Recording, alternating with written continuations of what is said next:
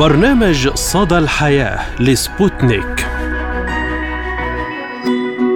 مرحبا بكم مستمعينا الكرام في حلقة جديدة من برنامج صدى الحياة. نقدمه لكم أنا عماد الطفيلي. وأنا فرح القادري. نتحدث اليوم عن مواضيع متنوعة وأهم الأخبار التي كانت ترند لهذا الأسبوع. ونبدأ الحلقة بموضوعنا الرئيسي عن تداعيات النزوح السوري الكبير على الأوضاع الاجتماعية والاقتصادية في لبنان.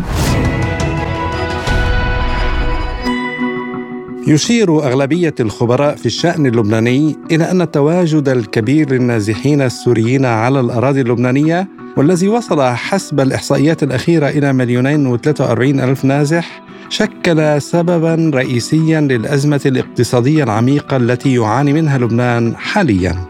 فالحملة على النازحين السوريين في لبنان مستمرة وقد وصلت إلى حد طلب وزير الشؤون الاجتماعية في حكومة تصريف الأعمال تنظيم مؤتمر دولي مخصص لبحث هذا الملف يبدأ بقراءة معمقة للأسباب المتعددة لوجود السوريين في لبنان والانطلاق منها للبحث عن حلول جدية لهم بهدف عودتهم إلى سوريا أو إعادة توطينهم في دولة ثالثة. فيما أفادت تقارير إعلامية أن الحكومة اللبنانية رفضت مؤخرا طلبا لمفوضية اللاجئين برفع قيمة المساعدات المقدمة إلى النازحين السوريين معللة بأنها تساوي راتب وزير في الحكومة اللبنانية. لكن للأسف الشديد ما إن يفتح ملف النازحين السوريين والأزمات التي يعاني منها الداخل اللبناني حتى تبدأ بعض الجهات باتهام كل من يخوض في هذا النقاش بالعنصرية وكراهية الآخرين. فهل يعقل أن يتحمل لبنان هذا البلد الصغير بمساحته الصغيرة وإمكانياته الاقتصادية الهشة والوضع المزري الذي يعيشه الكثير من اللبنانيين كل هذا العبء وما ينتج عنه من تداعيات سلبية على حياة اللبنانيين المعيشية والاقتصادية والاجتماعية. وللتعليق على هذا الموضوع نستضيف في حلقة اليوم من البرنامج كل من مستشار رئيس الجمهورية اللبنانية السابق الدكتور أمل أبو زيد ووزير النازحين في حكومة تصريف الأعمال عصام شرف الدين ومدير عام شركة إحصاءات لبنان ربيع الهبر. ونبدأ مع ضيفنا الأول مستشار رئيس الجمهورية اللبنانية السابق وعضو اللجنة اللبنانية الروسية المشتركة لمتابعة إجراءات عودة النازحين السوريين الدكتور أمل أبو زيد. أهلا ومرحبا بك دكتور أمل في حلقة اليوم من البرنامج وأسأل حضرتك يعني كما تفيد آخر الإحصائيات هناك حوالي مليونين وثلاثة وأربعين ألف نازح سوري في لبنان. يعني ما هي المصاعب التي تترتب على هذا الوجود من تداعيات سلبية على الأوضاع في لبنان؟ يعني المصاعب جميع اللبنانيين أصبحوا يدركون أن النزوح السوري المتواجد في لبنان بهذا العدد الكبير. وأنا أعتقد انه هناك كمان إضافة عليه بحوالي 8 أو 8.5% متواجدين جداد يعني موجودين في أماكن خارج نطاق المخيمات التي تمت يعني تم حصرها وتعداد الموجودين فيها. طبعا الموضوع عنده الشق الإنساني أكيد ولكن في في انعكاسات اقتصادية واجتماعية وثقافية مباشرة على الصعيد اللبناني خصوصا ان لبنان عم بيعيش أزمة مالية واقتصادية كبيرة هذا التواجد الجديد أو الزيادة في الأعداد يعني يثير التساؤل إنه بالماضي كنا عم نحكي على مليون ونص اليوم صرنا مليونين مليونين وشوي. يعني والعدد عم بيزيد من وقت لوقت. يمكن لأسباب كمان اجتماعية واقتصادية موجودة بسوريا. هناك الأزمة ليست فقط في لبنان كمان موجودة في سوريا. ولكن نحن بأوضاع سيئة جدا وعم بتسبب نوع من التوترات حتى يعني بين بين الشعب اللبناني وبين النازحين السوريين في بعض الأماكن وبعض الأحداث. أنه عم بيعتبروا اللبنانيين إنه النازحين السوريين عم عم بياخذوا من من قدامهم مواضيع لها علاقة ببعض المهن. الحرة أو حتى بالوظائف الأخرى اللي هم ممكن يقبلوا فيها بشو اسمه بمقابل أقل من اللبناني ولكن نعم. الخطر بالموضوع الخطر بالموضوع إنه بعده المجتمع الدولي يصر ويصر ويصر يعني إنه ان أن يعني يبقى النازح في لبنان لأسباب تتعلق بالموقف السياسي من الغرب تحديدا من الدول الغربية تجاه سوريا على الرغم مما تشهد سوريا اليوم من انفتاح من العالم العربي عليها خصوصا المملكة العربية السعودية مصر والجزائر والعراق وغيرها وغيرها من هذه الدول طيب يعني دكتور أمل برأيك ما الغاية من ذلك؟ الغاية من ذلك معروفة حتى وكان يعني المجتمع الغربي والمجتمع الدولي الذي يتأثر بالسياسات الغربية تحديدا السياسات الأمريكية لم آه، بعده في آه، يعني عنده نوع من آه، ضغوطات عم بيمارسها على على على النظام السوري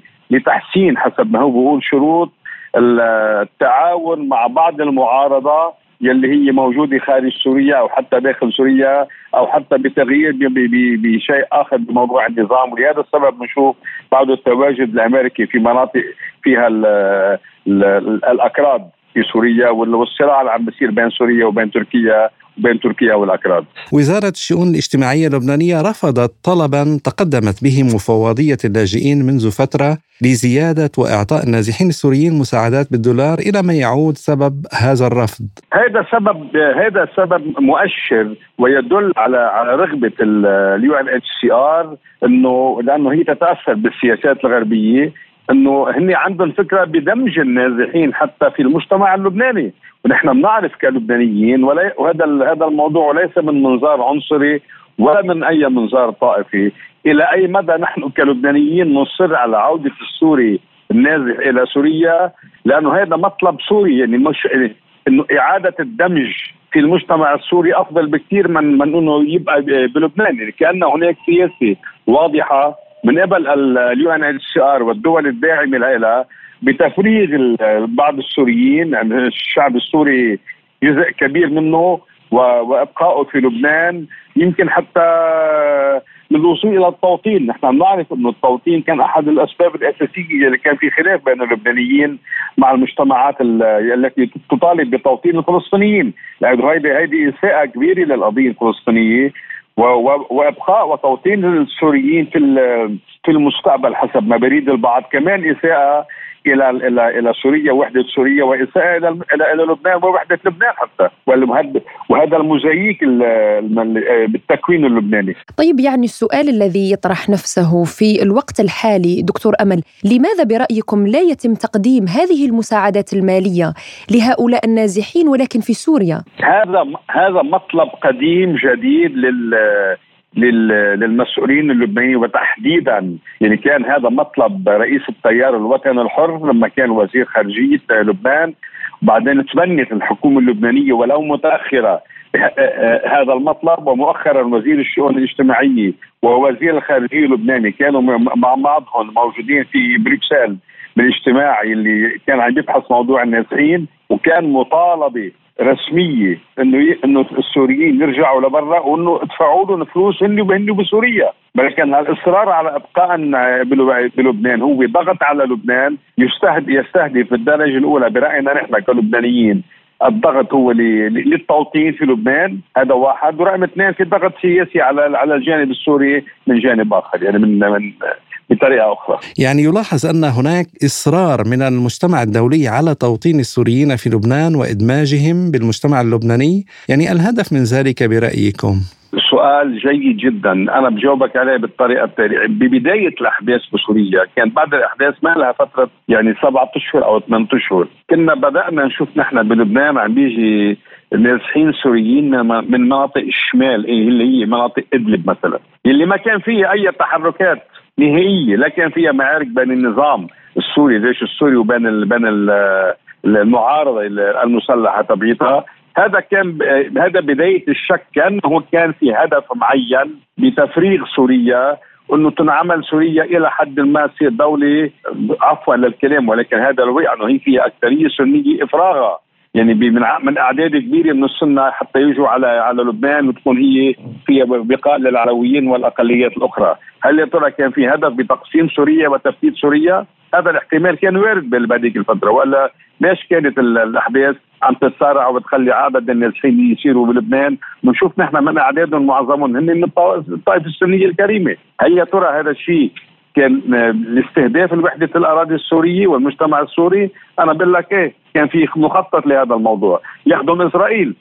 كل ما بتكون المناطق على جنب إسرائيل آه، مناطق مفتتة إلى إلى دويلات هذا بيعطي إسرائيل نوع من آه، القوة لأنه هي كدولة موجودة مسلحة وهي بهذه المنطقة وعندها العدوانية الدائمه بكون في حواليها دويلات ما في شيء بربطها. الا إلا العداء لبعضها. أه، دكتور أمل يعني حضرتك عضو اللجنة الروسية اللبنانية المشتركة لإجراءات عودة النازحين السوريين إلى بلادهم، أين أصبحت المبادرة الروسية في هذا المجال؟ يعني هل انتهت مثلا؟ حتى نقول إنه ما في أي م... ما في أي دفع جديد لتحقيق هذه المبادرة، هذه المبادرة بعدها موجودة بذهن الخارج بالدبلوماسية الروسية وآخر يعني بكل لقاء عم بيصير يعني آه، بس يبحثوا الموضوع السوري بكازاخستان آه، يطرح موضوع عودة النازحين السوريين ليس فقط من لبنان من لبنان والأردن وتركيا. نحن عم نحكي بس نحن بلد الوحيد ولكن في بلدان أخرى. بنشوف إنه في في عودة كمان من من تركيا لبعض النازحين السوريين على المناطق اللي بتحتلها بيحتلها الجيش التركي بشمال سوريا. أنا أنا إذا بدك رايي إنه هذا هذا الموضوع يعني آه، كثير له خصوصية نحن كلبنانيين لازم نضل ندفع باتجاه إعادة النازحين إلى إلى سوريا لأنه أي تقسيم أو تفتيت لسوريا في خطر اولا على السوريين وعلى الدولة السورية وفي خطر على لبنان لأنه نحن نتأثر سلبا أو ايجابا بما يحصل بسوريا. سؤال أخير دكتور أمل يعني أمام هذا الواقع وهذه الأزمة الكبيرة جراء النزوح السوري إلى لبنان ما هو الحل برأيكم؟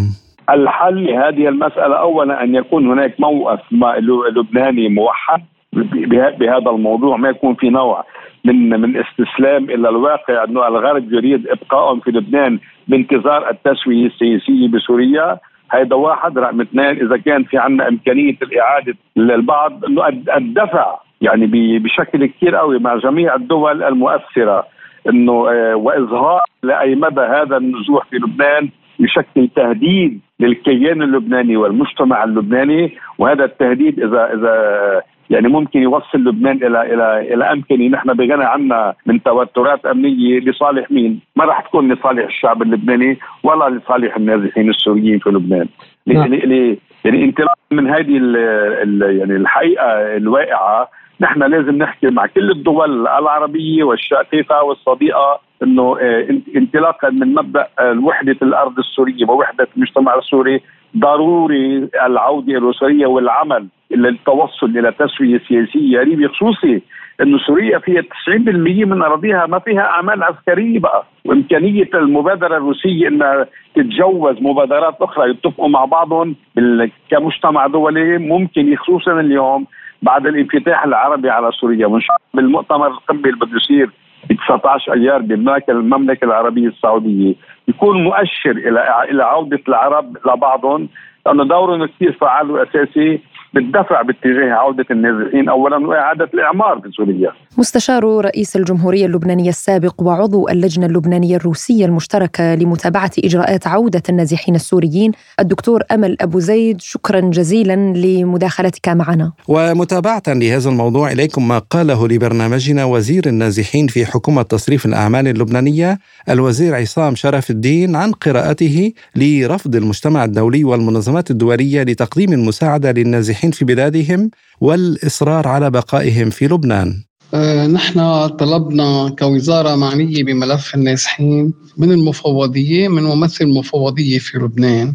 إذا في إمكانية دفع المساعدات المادية والمعنوية للنازح السوري يلي بده يرجع على سوريا داخل الأراضي السورية. اعتذر عن قبول هذا الطلب بحجة أنه الدول المانحة يلي بتغذي خزينة المفوضية رفض هالموضوع رفض قاطع. والذريعة بالنسبة لهذا الموضوع أنه بعد ما في آه الأمن الكافي بسوريا. وهذا طبعا موضوع سياسي والقرار سياسي. ونحن بالنسبة لنا كدولة لبنانية نحن مغطيين بالقانون بالمرسوم 1951 بروتوكول 1967 نحن مش ماضيين عليه. وبالتالي فينا نعيد النازحين إلى سوريا بدون العودة إلى المفوضية. ولكن نحن معتبرين حالنا شعب واحد عم نتعامل بطريقة إنسانية وعم نحكي بالعودة الطوعية. الهدف بتصور من الدول المانحة إنه هيدا في استغلال سياسي لهيدا الملف وعم بيكون ضحيته آه، النازح أكيد وبكون ضحيته كمان اقتصاد لبنان وشعب لبنان.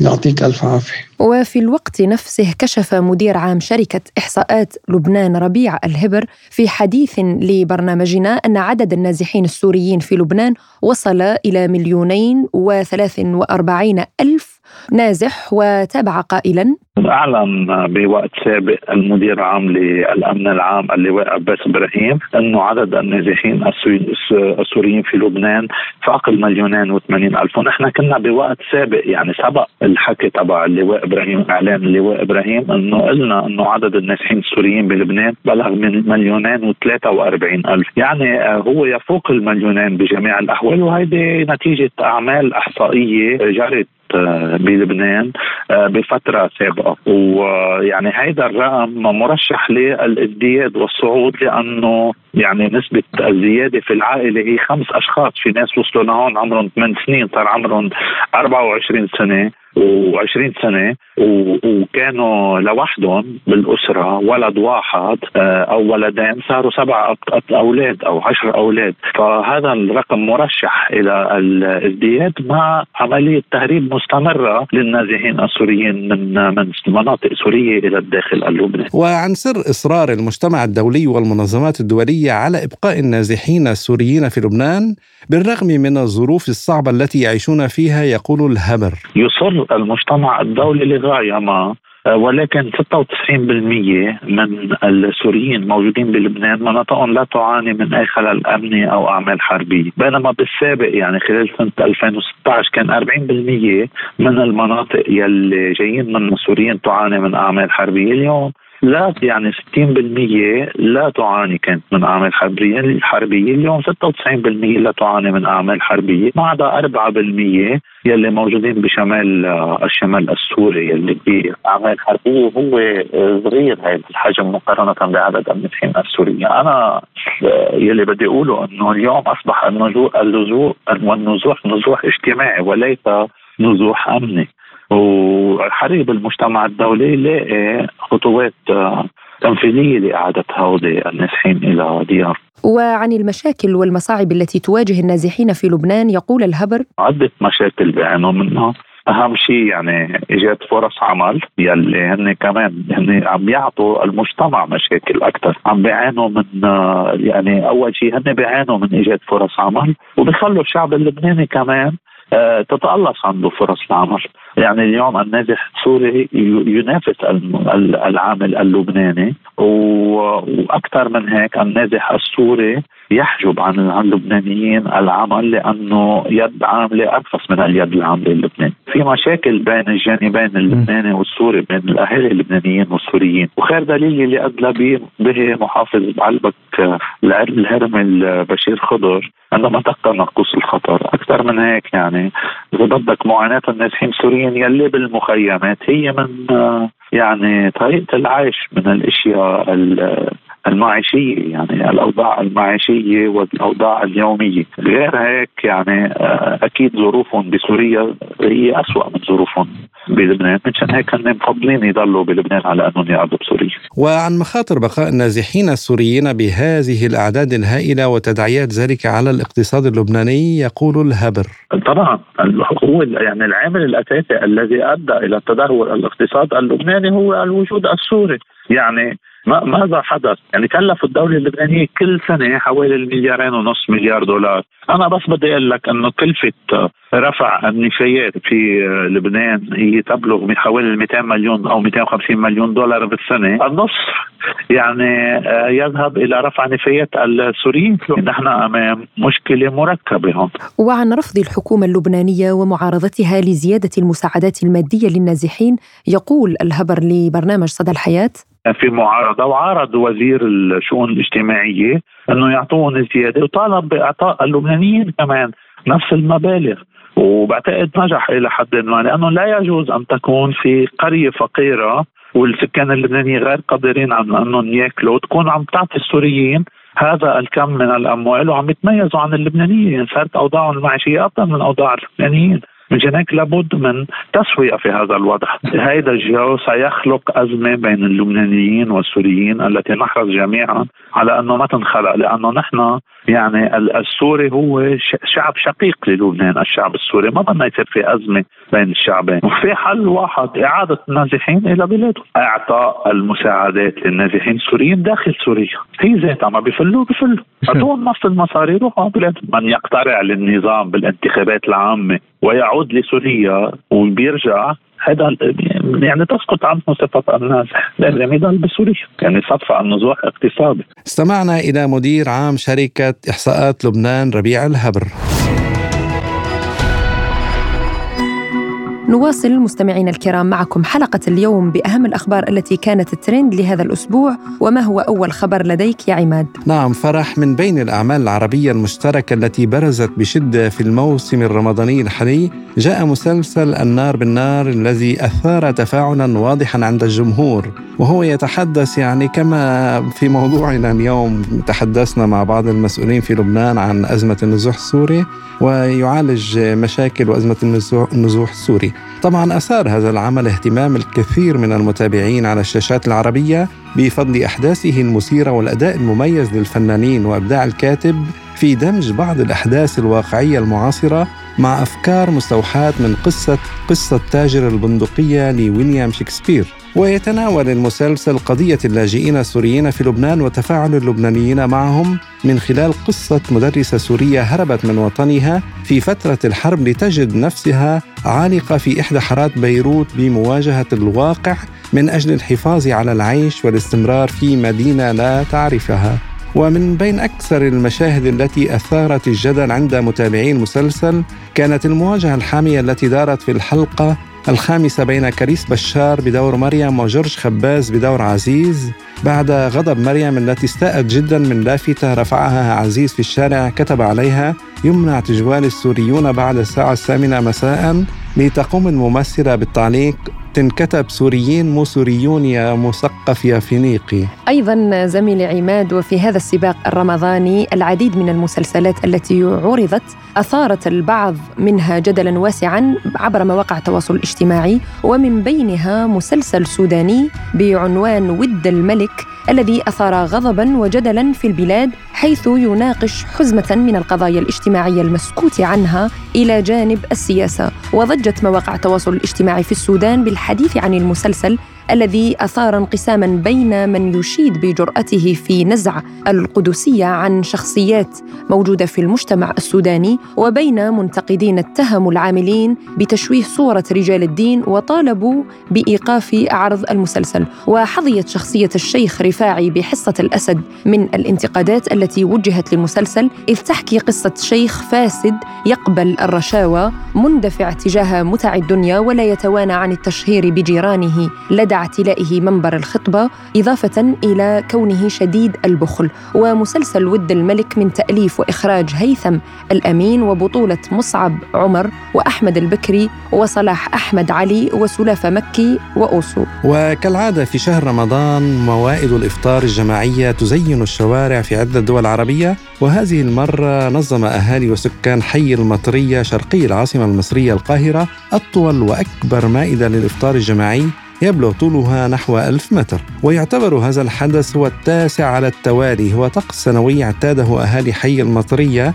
حيث تقام المائدة في الخامس عشر من رمضان من كل عام لإفطار أكثر من 1500 صائم. واستعرض الفيديو مئات الأشخاص من الأهالي والضيوف على المائدة وتظهر الصور تحول شوارع المدينة إلى مائدة إفطار ضخمة وسط حالة من البهجة والفرح عمت أهالي الحي وهذا شيء رائع جدا أنه يعني يؤدي إلى التآلف بين السكان والتعارف والعلاقة الحميمة بينهم. نعم وهو كما يقال شهر الرحمة والود والتآلف. نعم ونختم زميلي عماد اليوم الحلقة بمعلومة طبية. مستمعينا الكرام كما عودناكم دائما آه، فهناك يعني معلومات يخطئ معظم الناس في فهمها بشأن الاكتئاب مرض العصر.